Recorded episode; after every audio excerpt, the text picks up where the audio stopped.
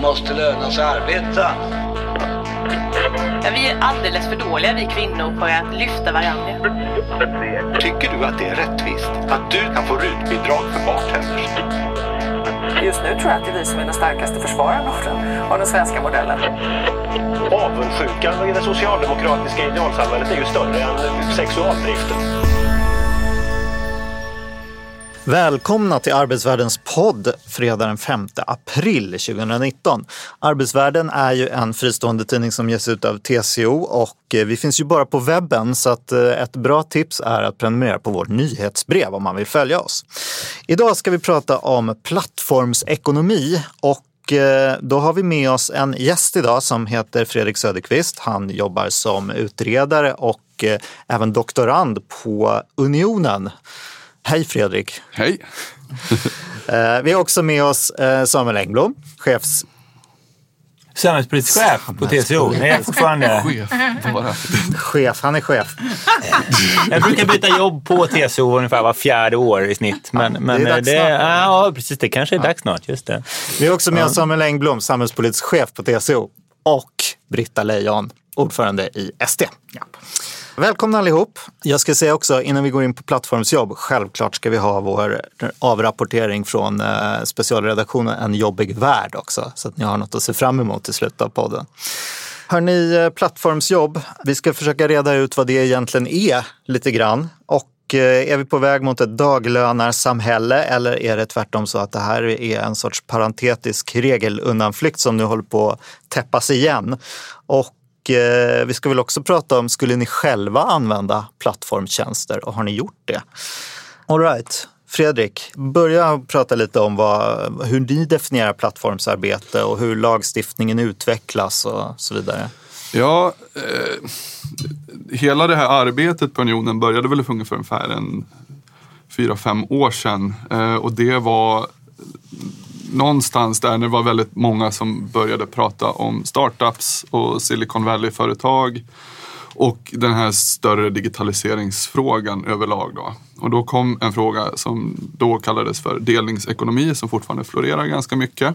Och det handlade egentligen om att eh, ska man säga, minska slöseriet av våra resurser i samhället. Så när, när första seminarien jag var med på det där, då handlade det mycket om att ja, men om vi har en borr, då håller vi den intryckt i ungefär sammanlagt 13 minuter innan vi slänger den. Då. Så om vi kan dela med oss av den här borren så kan man minska liksom, eller bättre resursutnyttjande och minska slöseri på resurser. Då. Motsvarande var väl någonting med bilar man pratade om också, att eh, bilar står parkerade 97 procent av tiden. Och vi kan hitta sätt att dela med oss av de här. Så det kommer ju delningsekonomi ifrån. Och delningsekonomi har ju då fått hjälp av digitala plattformar för att kunna göra de här utbytena möjliga. Eh, och, och det har ju handlat om att man ska kunna skapa tillit mellan främlingar och då har man jobbat med ratingsystem. Eh, och ja, allt det här låter ju väldigt, väldigt bra. Eh, men eh, när det som hände där är väl att det är företag som eh, kapitaliserar på det här och har ju också kommit in i det här. Så är det verkligen delande här eller är det egentligen bara lönarbete via de här? Och det är ju inte så konstigt tyckte vi, eller jag i alla fall då. För jag menar, varför använder vi inte den här borren för? Jo men det är ju skittråkigt att borra. Eh, så man gör ju helst inte det. Och det har en helt fin vägg och så ska man ju säga, jag hål i dem och hoppas att hyllorna är raka. Annars får du sanera och spackla och borra om. Liksom. Det är ju skitjobbigt. Så det är inte så konstigt att någon gör en tjänst där någon kommer hem till dig och borrar åt dig och sätter upp hyllan åt dig. Så det har ju varit liksom en tjänsteekonomi som har vuxit fram i det här. Så när vi tittade på det här, då vi skrev en rapport eh, som var klar 2016, Plattformsekonomin och den svenska partsmodellen. Då särskiljer vi ju egentligen det här, vad är liksom motivationen bakom transaktionerna? Vi, vi kan inte prata om delande om det inte är delande, det blir väldigt skevt.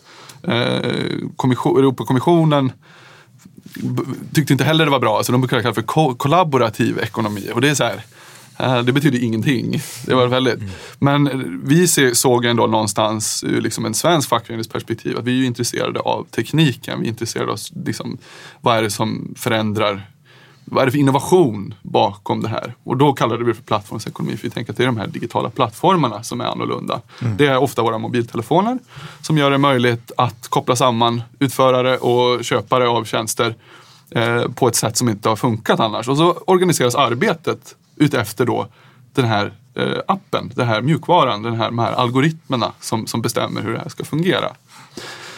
Och eh, det liksom har vi liksom kommit fram, det är ju egentligen, vi tittar på en, en, en teknisk innovation som sen blir en organisatorisk innovation. Sen hur det då används, vilka anlitandeformer används, det är ju egentligen liksom bestämt av, av de som, som skriver mjukvaran och har affärsidén här Just det, så när ni pratar plattformsekonomin då pratar ni både kanske inkallande i offentlig sektor och handel och den här typen av Uber och TipTap och det som man tänker på sådana tjänster.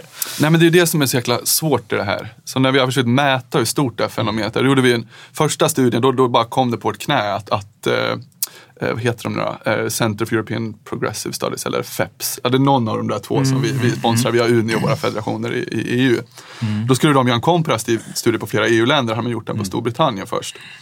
Och då fick vi fram att oh shit, 12 procent av svenskarna har jobbat så här. Men det- eftersom jag var med och översatte den engelska och den skulle vara jämförbar med svenska så var ju även då Monster.com och Platsbanken varit medräknade där. okej. Och då är det så här, det är ju inte riktigt det vi pratar om i den stora debatten. För här pratar det mer om förmedling av arbetsuppgifter, inte eh, befattningar, eh, Det jobb. finns, det finns en sån här statistiskt skräckexempel från McKinsey tror jag det är, som gjorde en rapport Ja. där man klumpade ihop. Då var det, eh, ja, dels tog man då som folk som svarade på den här typen av frågor om, om de hade använt någon av de här tjänsterna. Sen var det alla som var visstidsanställda. Sen var det alla som någon gång hade typ hyrt ett, en, en lägenhet via Airbnb och så.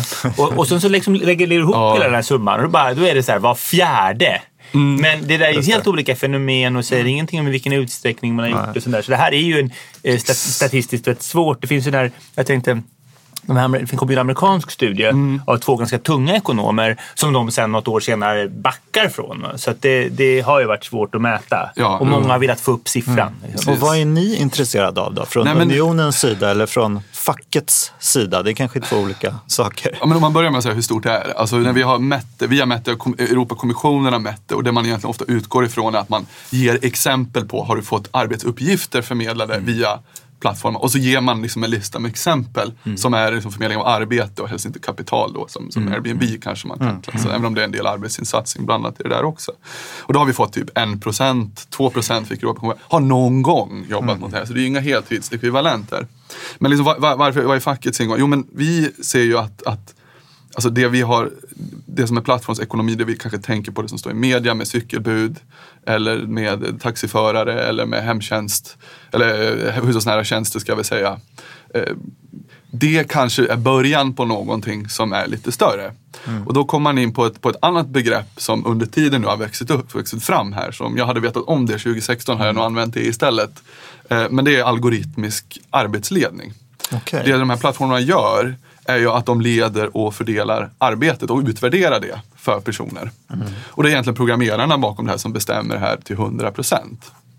Så det vi tycker är intressant är ju så här, men det här, det finns ju en möjlighet att faktiskt, alltså plattformar jobbar med att minska transaktionskostnader. Det gör saker mindre mäckigt. Och det kan ju vara väldigt bra. Det kan leda till att, att det faktiskt uppstår fler arbetstillfällen. Att det, ja, man gör saker smidigare. Man, man tar bort massa onödiga grejer. Och det tycker svenska fackföreningar är bra generellt sett. För det är liksom en mer effektiv ekonomi. Det kan vi ta ut bättre villkor ifrån. Men det är ju så uppenbart att det kan vara missbruk här. Och att i och med att det är programmerad arbetsledning så det, kan det ju vara väldigt, väldigt ensidigt hur det här partsförhållandet mellan utförare och, och plattform fungerar egentligen. Så vi vill ju reglera det här med kollektivavtal. Såklart. Och det är ett ganska smidigt sätt för det, kollektivavtalen förhandlas om varje avtalsrörelse. Ja. Men de- bara alltså för att bli tydlig med det här, för vi, ibland så dyker ju det här med, eh, med plattformsekonomi upp i den här podden och då brukar Samuel alltid säga så här, ja men vi måste tänka på offentlig sektor, alla som jobbar på eh, sms, sms-jobb som man då får säga enligt vissa men inte enligt andra. Ja men den typen av tjänster. Men det är egentligen, det, det är inte algoritmisk arbetsledning, eller? Alltså det beror ju på vad du sätter in i det. Om du får en, alltså det, om man ska vara riktigt trökig. Och man kan tänka på en plattform som har funnits ganska länge som verkligen har förändrat hur vi organiserar arbetet. Det är ju Outlook. Alltså mailprogrammen, vi har våra mailkorgar. Du får ju instruktioner där också. Sen är det ju ganska mäckigt. Och det är inte alltid man får svar. Så om man tänker på det sättet så, jo det är klart, det finns ju någon form av matematisk instruktion här bakom som talar om för dig, även om det är en person som förmedlar det då. Eh, om vi tänker då sms-anställningar, eh, ja, alltså de här skickas ju ut på något sätt. Antagligen är det något program som gör det. Men det kanske inte är så avancerat. Så som ett system där du ser var det finns potentiella utförare någonstans på en GPS-karta. Och du kan sedan bedöma dem med stjärnor, som jag tänker då, som Uber fungerar till exempel. Eh, men eh, det är ju det lite som är, om man säger så här, det är ganska, det är ganska lätt imiterbar teknik. Man kan hitta nya användningsområden för det. Och det som är väldigt intressant men också lite läskigt är ju att det vi har börjat se sista året är ju att den här typen av algoritmisk ar- arbetsledning, det ser vi ju ute på, på storklubbarna, på storföretagen också. Att HR automatiserar lönebildningsfunktioner, man vill göra det smidigare och lättare. Eh, man har övervakning på ett helt annat sätt. Och då är ju frågan för oss då som, som behöver stötta våra förtroendevalda lokalt så här, ja, men hur, hur ser vi till, för det, jag menar, det, det kan vara mycket bra i det här. Men så är min, frå- min Ja. fråga kanske är oviktig egentligen då. Utan det som men är det- viktigt är att eh, ni är intresserade av att man ska ha kollektivavtal. Och Nej, har man det ja. får man jobba hur man vill. Vi är intresserade av att man ska ha kollektivavtal och vi är intresserade av att kollektivavtalen efterlevs. Mm. kollektivavtalen finns ju för att reglera relationen människa-människa. Om en del av den andra människan, arbetsgivaren då, delegerar en del av sitt ledande och fördelande arbete till mjukvara och, in, och programmerar i, i längden, ja men då måste ju avtalen gälla där också. Så utmaningen vi har nu handlar ju om att så här, hur gör vi det lättare för programmerarna att ha en dialog med, med oss i facket och hur man tolkar avtalen in i det här. Alltså, är vi inte där... Är det inte massor med andra frågor också som är viktiga? Oh, ja, det är... Nej, men jag, jag, blir, det ordet, nej, det här, jag, är, jag tänker, när jag sätter på mig juristglasögonen så blir jag ju redan, redan när du säger ordet delegerar. Nej, för då börjar du gå in på saker. Det finns ju saker som du som arbetsgivare inte kan delegera hur som helst. Va? Till exempel arbetsmiljöansvar. Och då är det där som kommer... Jag tror att det är en viktig... Du, som arbetsgivare kan du aldrig rättsligt skylla på den som har programmerat, eh, eh, programmerat det verktyg du använder. Nej. Du, det är ditt ansvar. ditt Upphör all, det är det här, och det här som är lite farligt i den här debatten. Därför att ibland så, så beskrivs det på ett sätt som antingen går ut på att man, man försöker då från vissa företag hävda att det man gör i form av arbetsledning det är så nytt och så innovativt så det passar inte gamla kategorier. Eller att man medvetet eller omedvetet skapar en osäkerhet hos den som utför arbetet angående deras rättsliga status och angående vem det är som egentligen är ansvarig. För det är klart, det är så här, vi får ju aldrig hamna i ett läge där chefen kan skylla på algoritmen. Det är liksom en sak som måste, det, det kan aldrig chefen göra. Chefen har ansvar för algoritmen. Och sen finns det en del intressanta tankar om hur vi kan liksom tydliggöra det ansvaret, hur man kan göra. Men det, tror jag, det får man aldrig tveka på, vem, hos vem ansvaret ligger. Och precis, och, och det är väl lite det som har hänt de här åren. Man följer liksom hur, hur rättspraxis har- har utvecklats. Så är det ju att, att det har gått från att vara helt oreglerat, eller så här. Det finns regler men man skiter i dem. Man anser inte att de passar oss för vi är ju något helt nytt. Allt det gamla är dåligt har ju varit så här, break fa- move fast and break things. Be om ursäkt, inte om tillstånd. Alltså hela det här. Så det, menar, det är klart, ja det, det, är rent, det tycker vi också. Vi har, vi har på gång nu en, en, min kollega Viktor Bernhard som är vår ombudsman för digitala arbetsmarknader. Han har en rapport i pipelinen nu som ska väl ut snart. Och det handlar just om liksom principer kring algoritmisk arbetsledning och, och eh, hur AI tillämpas på arbetsplatsen någonstans. Och en viktig sån princip är ju just det där att så här, men någon måste ju ansvara för, för att det funkar här. Men sen är det så, om, även om det inte är tillåtet så sker, upp, finns Ja, det då. Och det är ju vårt, det är våra förtroendevaldas jobb att lyfta de här och adressera de här frågeställningarna. Det är därför det är så viktigt med lokala förtroendevalda så att avtalen efterlevs och lagen efterlevs. Britta, var det Absolut. det som var din... Nej, du hade Jo, nej, men det du här hade är precis det absolut Ja. viktigaste. Men sen finns det ju en massa andra funderingar. Så, eh, viktigt med lokala förtroendevalda som lyfter det. Ja, men i många av de här fallen så är det liksom det är någon sorts flytande gränslös verksamhet där det, där det inte är tydligt vem som tar ansvar. Ja.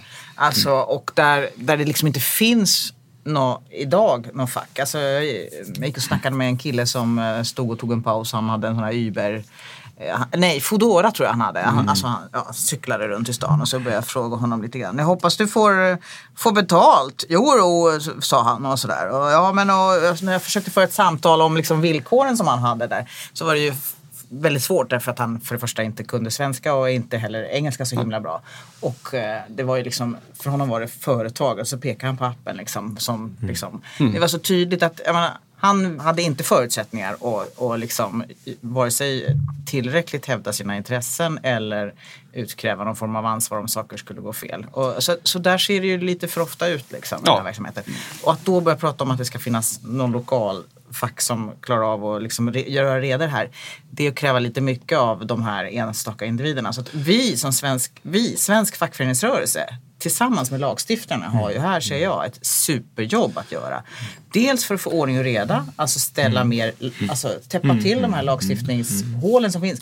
Där jag tycker att EU har börjat snäppa upp sig de senaste åren och också ställa lite mer krav. Allt ifrån eh, skattekrav till andra. Men där finns en hel del kvar att göra. Men vi, jag känner det här eh, är ju för oss som svensk fackföreningsrörelse ett superviktigt område att jobba Ja. med. Därför att det är här jag ser att risken för Alltså att vi, att vi har en allt ökande andel oorganiserade på svensk arbetsmarknad eh, har ju, hänger samman med det här. Det Ja. hänger samman med tillkortakommande i svensk fackföreningsrörelse också. Men det hänger ju samman med att vi har nya, nya delar av arbetsmarknaden. Förlåt, du vill säga Vad- Nej, jag tycker- jag tycker- jag tycker bara, det bara spela in det där, just Ja, ja, avvägningen mellan eh, lagstiftning och fackets Ja. uppgift. Det Ja. är väl det du är inne på. Hur, Ja, vi hur ska behöver- man vi tänka behöver kring det? mer både och känner jag. Vad är, vad är vilken, vems ansvar? Det liksom? finns, det finns ju några saker här också. Här kan man tänka sig, om jag sätter upp olika typer av reglering. Vi ska ju komma ihåg att, eh, att man i tekniska system bygger in arbetsrättsliga regler är ju egentligen inget nytt. Alltså i personalhanteringssystem eh, där är ju regel att du till exempel har arbetstid inbyggt. Va? För att du ska inte kunna schemalägga folk på sätt som bryter mot arbetstidsreglerna. Va? Det är en, ett sånt typiskt sån hjälp som man vill ha. Men man, vad man också har inlagt i de där är ju sånt som, eh, ja, det börjar ringa varningsklockor om någon, eh, närma, alltså om någon eh, närmar sig en inlasning eller om någon, eh, på någon som har korta visstidsanställningar börjar närma sig gränsen för allmän visstid, alltså den här tvåårsgränsen och sånt där. Då kan man bygga in den typen av system så att man också som då arbetsgivare bevakar så att man inte eh, skaffar sig mer, mer eh, åtaganden man vill. Va? Men så det är ju inget nytt att man bygger in sånt i, i, i systemen. Och då är det klart att ett sätt kan ju vara, alltså det är ju, kan ju tänka dig en produktreglering. Att ska du göra den här typen av arbetsledningssystem och få marknadsföra dem eller, eller sälja dem så ska de uppfylla Eh, liksom det landets, eh, du ska det landets arbetsrätt så att säga, vara inprogrammerad. Ja. Det är, det och då är det en produktreglering. Det är egentligen inte en, en, en, en, en arbetsrättslig reglering. Ja, men eh, ja. Men, men det första, det, det, det Britta sa, eh, jag tänker alltså Transport gör väldigt mycket för just cykelbuden. De har jätteduktiga ombudsmän ute och gör saker. Jag tror, nu kommer jag vara något år sedan jag hörde det här, men det finns, eh, Uber är ju liksom en, om man tar på taxiområdet, har ju en växel. Där finns det taxiåkerier som har kollektivavtal som kör under Uber. Och det här har jag lyft för Uber när jag träffat dem på internationella arenan. Bara, Alltså ni testar ju massa fackmodeller i olika länder för att de har ju fått väldigt mycket ja, strejker och sånt mot sig.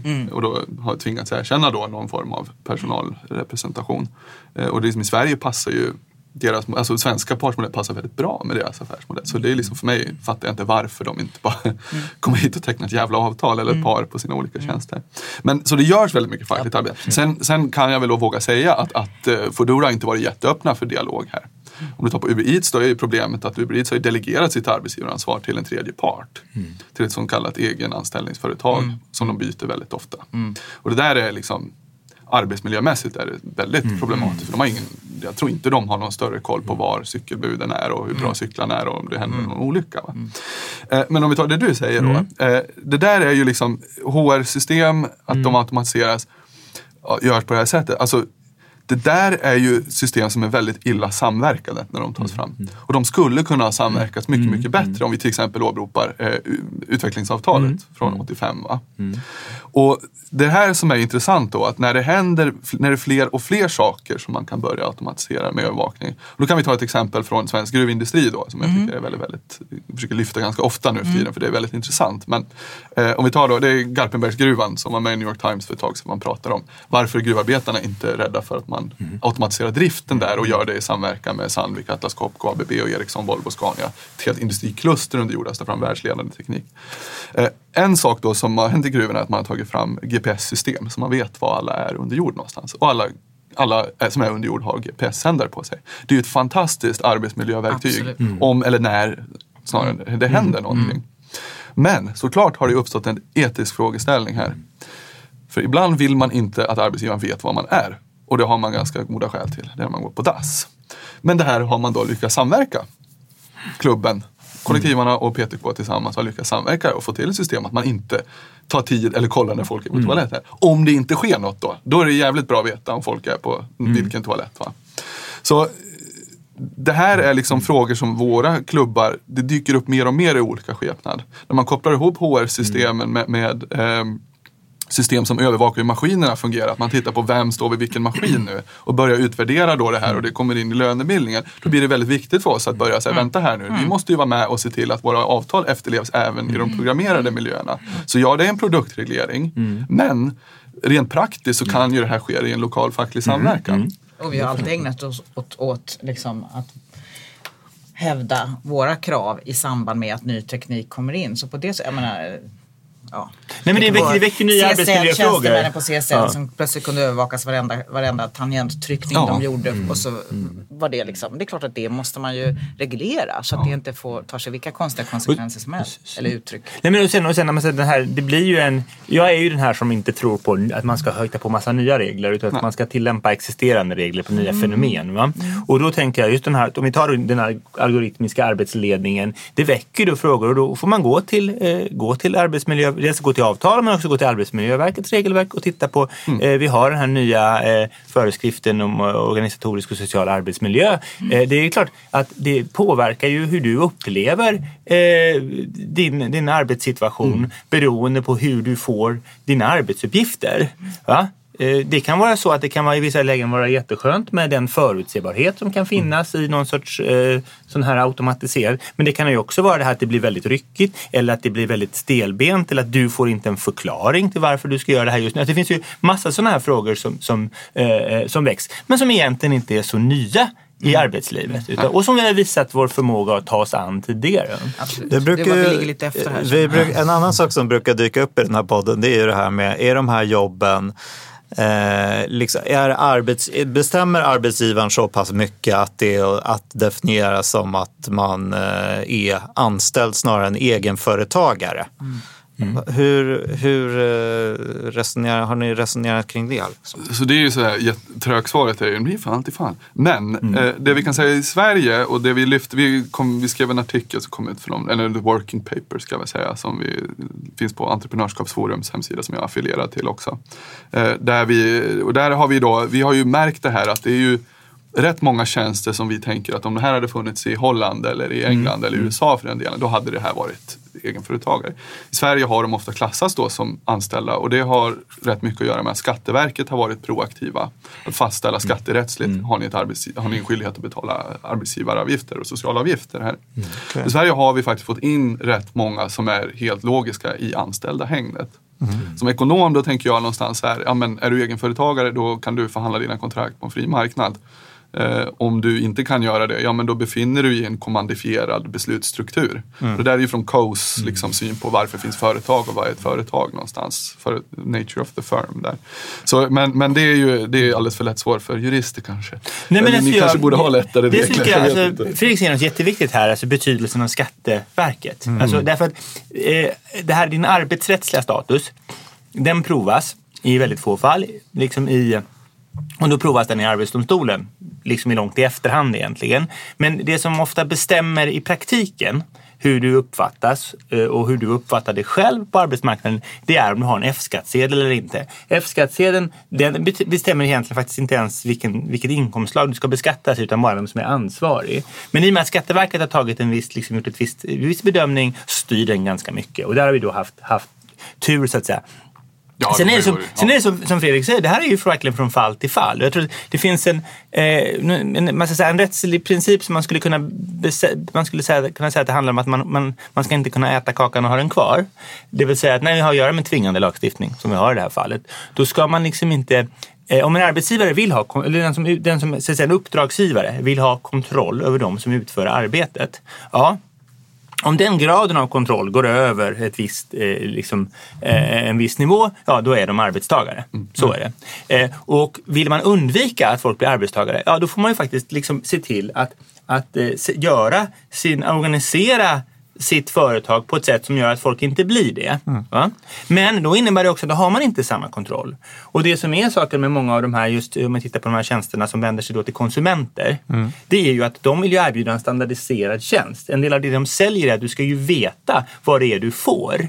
Och kanske i Sverige kanske det argumentet är mindre starkt än vad en del andra länder. Att det är liksom man upplever att Uber som taxileverantör är väldigt förutsägbar. Du vet vad som kommer hända. Det finns här. Ja, men det kräver ju då att de reglerar det. Och det är där de då i land efter land och delstat efter delstat i USA till slut förlorar i domstol. Ja. Och nu finns det de som säger att nu är, just nu är det ett race mellan en del av de här företagens börsnoteringar och de här arbetsrättsliga processerna. Alltså de måste hinna börsnotera sig innan de har förlorat för mycket arbetsrättsligt. Va? Därför att det värdet, varje gång de förlorar arbetsrättsligt, eh, eh, varje gång liksom argument, det argumentet de kör till investerare, is it legal, not yet. Va? Varje gång det urholkas så sjunker värdet för de här bolagen. Men, men är det inte ett race också, eh, alltså det kommer ju massa domar hela tiden som säger ni borde anställa egentligen. Eh, Men, Men ni har så- anställt, säger ni, så inte borde. Ja, Ni nej, har anställt, det är vad de säger. Just det. Eh, Men sen så lyckas ju bolagen än så länge väl krångla sig ur det här på olika sätt och frågan är hur länge det där kommer hålla. Eller är det inte så? Är det rätt bild eller? Ja, ja, men det är väl lite, alltså det är ju, om man skiljer från plattform och anlitande form. Det är väl lite det jag försöker säga med de här exemplen vi har från storföretagen där de flesta är liksom tills vidare anställda. Så är det där. Eh, I vår artikel intervjuar vi tre företag, två av dem har bemanningsavtalet.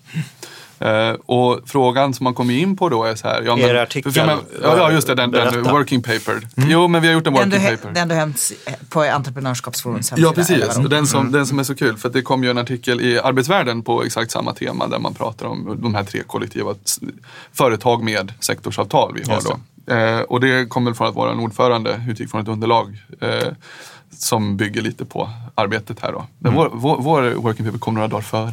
Men, men i alla fall. Eh, eh, så egentligen där då, det vi har observerat är ju att eh, det är flera företag, så kallade gigplattformar då, som har tecknat olika typer av kollektivavtal.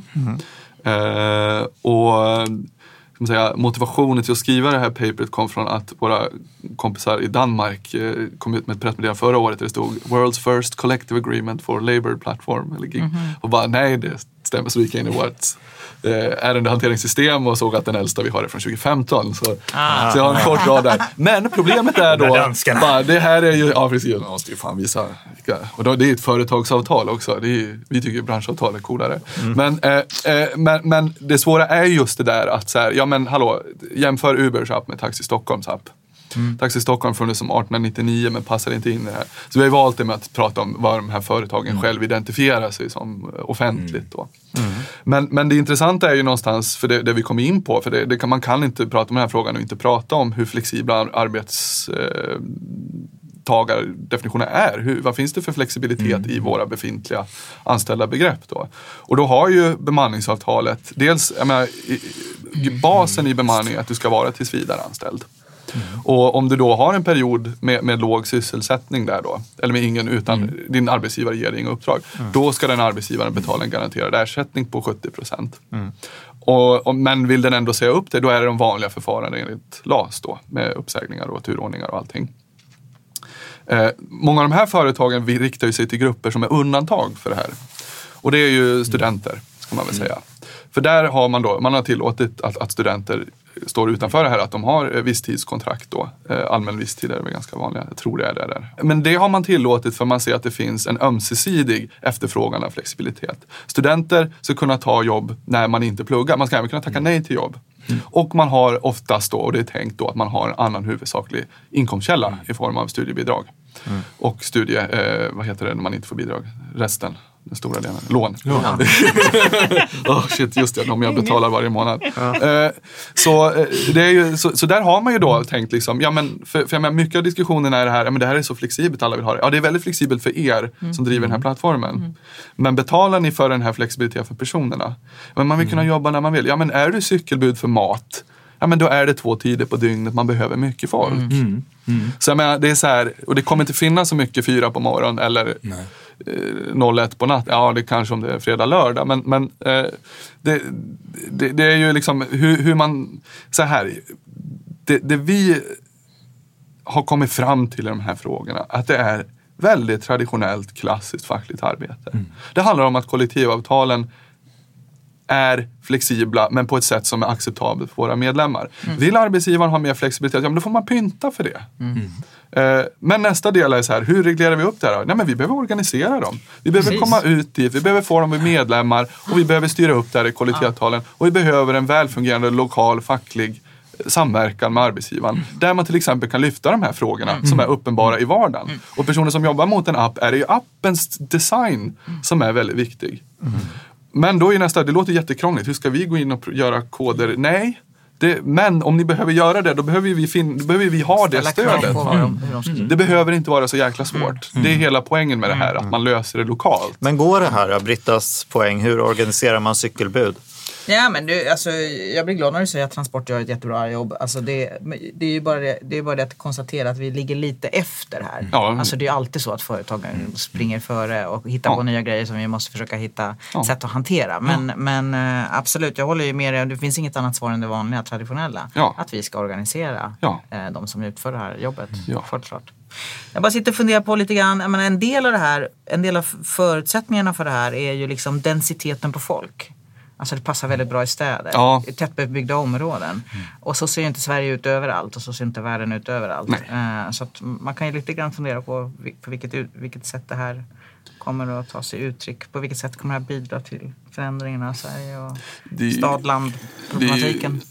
Kopplar ju Ja, men det är till... en helt annan fråga. Det är inte Nej, men den kopplar ju an men- till liksom plattformsfrågor överlag då. Att du behöver ju, för att en plattform ska funka så behöver du både utförare och, och köpare någonstans. Så många av de här företagen går väldigt mycket med back. Det har att göra med att bygga upp en användarbas. är ju nyckeln till, jag ska inte säga vem som helst, men nästan vem som helst kan bygga en plattform. Men när den bara är tom skal så är det ingen affär där. Utan man måste ju hela tiden gå med back för att få in användare och bygga en kritisk massa. För nu, det är lite som med Facebook, det är lite som med alla digitala plattformar, inte arbetsplattformar. Ingen skulle ju använda Facebook om inte någon annan var där. Det är liksom hela det här tänket. Men det gör ju också att marknaderna blir ofta duopol eller eh, oligopol. Alltså det är några få aktörer då som faktiskt det får plats. Och det gör att de får en maktställning egentligen. Precis, och, deras- och där är vi ju definitivt också ur ett lagstiftningsperspektiv super efter. Men nu, jag tycker att det håller på att ta sig. Men jag, jag menar den enorma sårbarhet vi har i vårt samhälle kring att det är några få stora aktörer som står för så stor del av infrastrukturen i hur vi kommunicerar och hur vi arbetar idag. Det är lite Ja. läskigt. Hörrni, ett argument som man ofta hör för företrädarna för de här bolagen är ju att man ger jobb åt grupper som kanske annars inte skulle kommit in på arbetsmarknaden. Eh, ja, framförallt kanske folk som kan dålig svenska får ett jobb på det här sättet som då inte skulle fått annars. Vad, hur eh, ser ni på det? En av plattformarna vi intervjuar har bemanningsavtalet och det är deras affärsmodell. Att förmedla jobb åt nyanlända svenskar. Eh, Och det funkar bra inom där.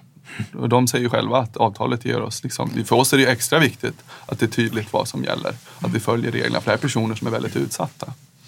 Så jag, tycker, jag håller med om det. Det här kan skapa nya arbetstillfällen. Arbetstillfällen som kanske inte skulle gjorts alls eller som gjordes svart annars. Det här är en, ett tillfälle att faktiskt styra upp det. För att det är ju liksom, det samlas in data, det är liksom accountable. Det är bra men vi behöver ju tänka kring hur ser vi till att de kommer in på svensk arbetsmarknad och inte gör det till dåliga villkor egentligen. Så jag tycker inte de där är... Och, precis, och vi behöver också tänka på lång, alltså långsiktigheten. Här är jag, för det finns, förutom de rättsliga frågorna, det som intresserar mig här är hur påverkar det här egentligen arbetsmarknadens fun- funktionssätt? Och då, då finns det, där, ja, allt som minskar transaktionskostnader är bra. Det är inte jag säker på. Eh, av några skäl. Ja, det stämmer att det är sånt här som kan göra lite grann som man, tänker sig med, man tänkte med rutav, liksom en argumentet för rutavdraget har varit jo, man gör vit, vita jobb, eh, man gör svarta jobb vita och eh, sen finns det det här också att jo, om man samlar ihop arbetsuppgifter, eh, många små arbetsuppgifter, eh, varav en del annars inte hade blivit utförda eller blivit utförda av någon annan, eh, till någonting som går att försörja sig på. Det är ju liksom, ja, du kan, du, genom att göra olika sådana här små påhugg så kan du försörja dig. Men tekniken kan ju också bidra till att arbete fragmenteras. Det vill säga sånt situationer där arbetsgivaren annars hade behövt ha folk anställda under lite längre perioder så kan de stycka upp det arbetet i väldigt små delar. Och då skulle jag säga att vi får en sämre fungerande arbetsmarknad. Eh, då. Sen är det ju det här med långsiktigheten. Alltså går man vidare från de här jobben och då har vi de här eh, Calmfors och även de här Eh, Berglund och forskarna i Göteborg som har tittat på det här att väldigt små korta visstidsanställningar leder inte till på, i, att du får en fastare fot in på arbetsmarknaden. Och det är det här jag kan bli lite orolig på, på vad det här betyder på sikt. Därför att eh, vi går, säg att vi går in i en lågkonjunktur. Eh, eh då kommer de här plattformarna, en del av de här kommer slås ut säkert. För det är ju sånt där som handlar om att folk har liksom bra inkomster och det snurrar i storstäderna. Några kommer, alltså säg att marknaden blir lite tuffare. Men det kan också bli ett sätt för att spara pengar. Att, anl att använda mm. den här typen utav, av, av anlitande istället. Då, eh, och då kommer vi samtidigt ha arbetslösa eh, eh, och då kommer att säga, men jättebra, då kan de ju in och jobba på de här påhuggen. Mm. Problemet är då att, ja, men vad leder det till på sikt? Ja, de kan få en del inkomster den vägen. De kommer sannolikt behöva kompletterande inkomster från till exempel a-kassan. A-kassereglerna är inte riktigt anpassade efter det här. Risken är också att de fastnar i de här korta. Att istället för att man ger dem, man rustar dem med hjälp av till, alltså, till exempel utbildningsinsatser så får de de här korta påhuggen. Och det är inte det som i längden leder till egen försörjning, de korta påhuggen. Så där, här finns det någonting som, som jag skulle tycka att det var jättespännande om några ekonomer borde gräva i. Hur påverkar det arbetsmarknadens funktionssätt på lite längre sikt? Mm. Är det så enkelt som att jo, men vi sänker transaktionskostnaderna, allt snurrar snabbare, allt blir bättre? Mm. Eller är det så att vi riskerar att hamna, det finns sådana här fällor som att produktiviteten inte ökar till exempel. Mm. mm. Jag, jag, tänker på Tyskland när du pratar om det här också, mm. alla deras minijobs mm. eh, som ju, jag menar, beskrivs både som det här, det, ur det positiva mm. perspektivet, mm. många fler har jobb, arbetslösheten är mm. lägre. Mm. Men också ur det, det, här negativa som jag tror är, alltså folk fastnar i det här. I jobb som faktiskt inte räcker till för att försörja en egentligen. Eh, och vi har ju sett um, vi gjorde en studieresa till eh, Tyskland med min förbundsstyrelse för precis för ett år sedan. Och det, det, som jag inte hade fattat innan när det gäller de här det var ju att det varit en kvinnofälla faktiskt i mm. väldigt hög mm. utsträckning. Därför att eh, för många kvinnor så, liksom, ja, eh, att jobba ett lägre antal mm, timmar i veckan var inledningsvis kanske någonting som var bra men sen fastnade man liksom där. Det är väl, om man säger så här, om man om man ska titta på det lite mer, som jag sitter med avhandlingsarbete nu och man blir liksom väldigt teoretisk. Men mm. om vi bygger vidare på Coase, som prat, hans första paper handlade ju om transaktionskostnader, hans mest kända kanske. Men hans näst kändaste paper är ju The Problem of Social Costs, alltså sociala mm. kostnader, mm. externaliteter. Och det ni beskriver är ju liksom negativa konsekvenser som uppstår. Mm. Sociala kostnader upptäcker man med tid. Det är ingenting som bara finns. Eh, att röka cigaretter var inga problem förrän man kom på att det var dåligt. Ja men då måste vi ju adressera att vi har ökade sjukvårdskostnader genom att beskatta cigaretter hårdare. Så det är liksom, det är ju, och då kan man ju beskriva fackens roll som att upptäcka och prissätta sociala mm. kostnader med tid. Om vi går mot ett samhälle där, där vi tidigare har haft sociala kostnader adresserade till exempel genom ett anställningsskydd eller genom omställningssystem i samhället som faktiskt liksom hjälper våra medlemmar att ställa om till andra saker. Om företag börjar smita från det där, då är det ju en social kostnad som samhället tycker är viktig här, som mm. inte prissätts inte bärs i företagens affärsrisker mm. någonstans. Men jag tänker nog att det inte bara är sociala kostnader. Jag tänker att till exempel det här att det då det finns eh, till arbetskraft är tillgänglig för att utföra många små arbeten. Det, kommer, det är sånt där som kan leda till att man inte automatiserar mm. vissa saker. Mm. Det är faktiskt en sak. Eh, och att man då inte, alltså, eh, man investerar inte, man, man har mindre och mindre anledning att investera i sin personal. Mm. Därför att de blir liksom utbytbara den här tjänsten drar ner priset och gör att man bara måste ha dem precis där man vill ha dem. Och då, alltså, då sjunker tillväxten för produktiviteten ja. ökar inte. Och då är det alltså något annat än de sociala kostnaderna vi måste hantera. Men jag menar att det kan finnas ett annat pris här. Men jag är inte ekonom. Men, nej, men, nej. Eh, det låter men det var väl det man upptäckte ja, med minijobsen. Att det var, ja, ja. de som satt i kassan var inte längre folk som var anställda för att sitta i kassan på heltid. Mm. Utan det blev pensionärer, kvinnliga pensionärer som mm. satt där några timmar och fick sämre betalt. Liksom. Men det är just det här som, att man säger den långsiktiga frågan. Det här är ju väldigt lik eh, SAF och TCOs gamla kampanj från 40-talet om uh-huh. hoppjerka. Det och det är väl hitta en balans däremellan. Va? Precis, Mellan att, men tidigare att folk var jobbar för länge på samma ställe ja. och att det blir väldigt kort. Va? Precis, och det är väl just där någonstans att liksom en oändligt flexibel arbetsmarknad. Ja, men det, har, det har ju länder som inte är rika länder som oss. Där mm. gör folk lite allt. Ja, man har ofta mm. några, men, men det är just det där som är grejen. Det finns ju för mycket flexibilitet kan ju vara mm. dåligt. Mm. Om flexibiliteten inte adresserar sociala kostnader som vi tidigare har reglerat i fast anställning då kommer samhället bli sämre mm. och det tycker folk inte om. Hörni, jag tänkte avsluta med att testa. Har ni Va? själva anlitat eh, några plattformsföretag och Och eh, skulle ni göra det? Motivera, ja eller nej? Jag tror faktiskt inte jag har gjort det. Jag är så fruktansvärt gammalmodig. Så att det, det tar tid för mig liksom anpassa mig till nya grejer. På sätt. Men det, Vad skulle du göra det? ja, jag vet inte. Eller Men tycker nu du att det, åt tycker att det är bra eller dåligt? definitionsfrågan. Jag beställde en taxi. Ja, i Taxi Stockholms app. Mm. Det som är, funkar precis som det här som man kallar för... Men det är bara för att det är ett gammalt företag. Så, så skulle man nog säga att men då, nej, det är inte ett plattform. Ja, men jag använder, alltså, har, jag, ja, har jag beställt en arbetstjänst Mm. Via min det? telefon? Ja, det har jag gjort. Eh, så. Men skulle du göra Uber? Nej, skulle jag inte. Nej. Jag skulle inte fler Ryanair heller. Alltså, det finns ju ett antal sådana här saker som jag Nej. inte gör. Vissa saker. Jag. Jag har köpt i present åt en vän en eh, leverans med Volt. Och vad är Volt? Det, Det är en sån Ja, eh, Foodora Uber Eats matleveranstjänst. Av någon anledning har jag fått för mig att de har bättre villkor än någon andra, men förmodligen har de precis, eller ännu värre uppenbarligen av Fredriks min. Ja, precis. villkor. Eh, Ja, jag vet faktiskt. Alltså, de, de de är ju tredje. Det har inte skrivits lika mycket om dem. Eh, Men eh, Men jag har inte gjort det själv. Så. Jag och, jag skulle, och jag undviker det, kan jag säga. Eh, nej men som sagt, Taxi Stockholm. Och vill man prova en som är lite mer lite mer nytänk kring taxi så finns ju BZT, BZZT. Det är ju en eh, svenskt bolag som har avtal med eh, Transportarbetarförbundet eh, och på kontoret har de avtal med oss tror jag. Du då Fredrik, har du använt någon Jo, men jag tjänst? har använt dem. Eh, jag, kan- jag kan erkänna, jag, när jag är utomlands har jag åkt Uber i USA framförallt. För det är bra att prata med förarna och fråga om hur det är att jobba där. Hur det funkar, vad funkar inte? Har det blivit sämre? Har det blivit bättre? Eh, så på den vägen är det ju det. Eh, sen kan det ju till och med vara så, jag vet, jag, var ju, jag är i Boston en del nu av olika skäl. Eh, och där har lokala taxibolaget har en app men den får man inte ladda ner om man har europeiska app stores. Så, vad fan, jag kan inte ta mig härifrån. Liksom. Då blir man illa tvungen. Men sen är det där, det är liksom, vad är det? Jag beställde flyttstädning en gång, för jag har en kompis som att vi ska göra det. Gick jag in på Hemfrid som har kollektivavtal.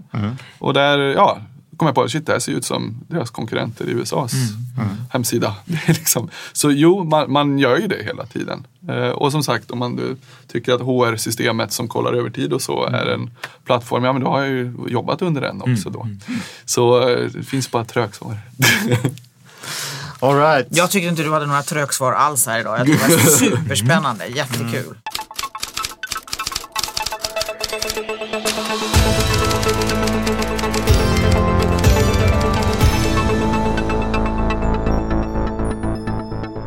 Liberalernas Jan Björklund omtolkar psykologen Stanley Milgrams lydnadsexperiment från 1963.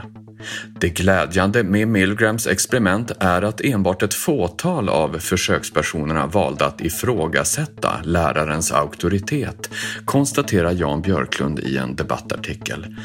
Liberalerna avser nu att inte bara tillsammans med de borgerliga partierna och Sverigedemokraterna driva igenom betyg i ordning och uppförande i svenska skolor utan också tillsätta en utredning om hur elchocker upp till 450 volt kan användas i studiefrämjande syfte.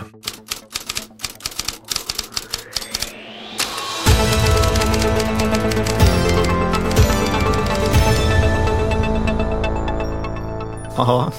Kommentarer?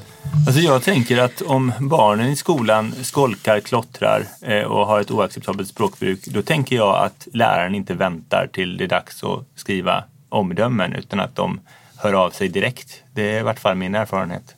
Så det verkar som ett stort tomt slag i luften. Och det finns väl också, som jag förstått, en kritik från, från lärarhåll om att det, då det är en sak till som de ska administrera. En bedömning till de ska göra. Eh, och det är kanske inte vad skolan behöver just nu. Mer administration för lärarna. Jag har lite svårt att uppröras över det. där. Det är klart det ska vara ordning i skolan och det finns naturligtvis en massa klasser där det inte är det. Eh, sen vet jag inte om det här är det bästa sättet för jag håller med Samuel. Det ska ju ta sig tu- tur med på en gång, inte, inte när terminen är slut. Liksom. Eh, så att jag tror inte att det... Men det sätter fo- ja. Jag har lite svårt att menar, ja. Det är sånt man pratar om på utvecklingssamtalen. Ja, och även då, då är det liksom med även mindre grejer tänker jag kan komma upp. En sån som, för det är tank, alltså man skulle tänka sig att det här skulle kunna hamna i ett läge där, som jag förstår de gamla ordningsbetygen var, det var ju gan- ganska exceptionellt att du inte fick högsta. Det var ju liksom en ganska tydlig markering. Så att, ja. Det var ju också en skola där det ibland förekom att lärarna slog... Ja. Alltså, det, det var en annan Får, man- får man lägga till lite på satiren? Kan de inte ratea varandra? De bygger en plattform. Ja, det är bra. Det ska bli spännande att lyssna på den här Men, är inte alla betyg ordningsbetyg? Ja, Det, finns ett sånt, element. inslag, Ja, precis. ja, ja. Exakt, naturligtvis är det så. Det har du helt rätt i. Även om det kanske inte skulle. Men, mm. ja. Ja. Vi fick ju inte ha någon spaning idag. Nej, hade jag du spaning? nej, jag tänkte bara, jag tycker det är så spännande med det här valet i Falun. För jag tror Ja. att det kan få f- konsekvenser. Jag tror att det kommer att visa sig att, um, jag menar, att opinionsinstituten har rätt. Att, att vänstern ökar, att S minskar, att eh, KD ökar lokalt och att um, sannolikt Sverigedemokraterna också minskar där. Det kanske får lite effekter på svensk politik nationellt. Det ska bli intressant att följa tycker jag. Men tror man inte att valdeltagandet kommer att bli ganska lågt? Jo, Är inte det är liksom, Det är ju eh, och då blir det inte risken. så representativt. Alltså det, det är Nej, det nej, som är nej, från visst. erfarenheten från tidigare sådana här Mm, situationer. absolut. Att Ja, då, men då är det visst. färre som går och röstar.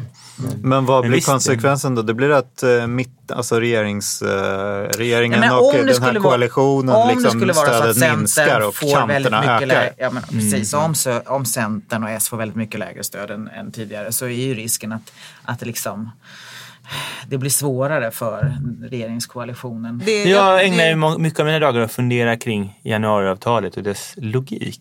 Och då tänker jag så här, Mm. Logik? Ja, Ja. Mm. ju mer pressade de blir desto mer kommer de genomföra avtalet. Absolut. Alltså det är det här som är så spännande. Jag tror aldrig, ett program, ett- jag tror aldrig ett, ett tror- regering har haft ett program som kommer genomföras så till punkt och pricka och, och, som de och, och vet du vad 73 jag tänker, punkterna. vet vad jag tänker annan, ont. i, I samband med det här valet, alltså, kan det också vara så att det som januariavtalet verkligen ville uppnå, Mm. eh, att man liksom stärker mitten i svensk politik och minimerar Mm, ytterkants, eh, eh, alltså Sverigedemokraterna. Det kan ju faktiskt också mycket väl bli än tydligare manifesterat genom Falun eh, kommunalval. Mm. Därför att eh, det kan mycket väl vara så att Sverigedemokraterna minskar radikalt och KD växer Mm. väldigt mycket. Men kan det inte vara så, är jag, jag kan det här med Falun för dåligt. Det kan ju finnas en sån här lokal fråga. Någon hoppbacke eller något som är jätteviktig och som gör att människor röstar på ett speciellt sätt på ett speciellt Absolut. parti. Det kan finnas Eh, så det, är så- det är så mycket partier just som som... ja, ja. vet inte, som Falun röstar, röstar Sverige. Det så Nej. eller är det inte så? Som inte. omröstar röstar inte Sverige skulle jag tro. Ja, Nej, vi får se. Men det kan få konsekvenser. Ja. Och det är många som kommer, pra- det kommer pratas om det. Alltså risken är att även om det här inte säger någonting så kommer alla prata om det. Så sätter det bilder på saker och ting och så usch, ja. Så blir det snurr. Härligt. Hörni, tack till alla som har varit med. Tack till alla som lyssnar. Och eh, vi är tillbaka om sådär cirka två veckor igen. Ha det bra tills dess. Adjö. Adjö.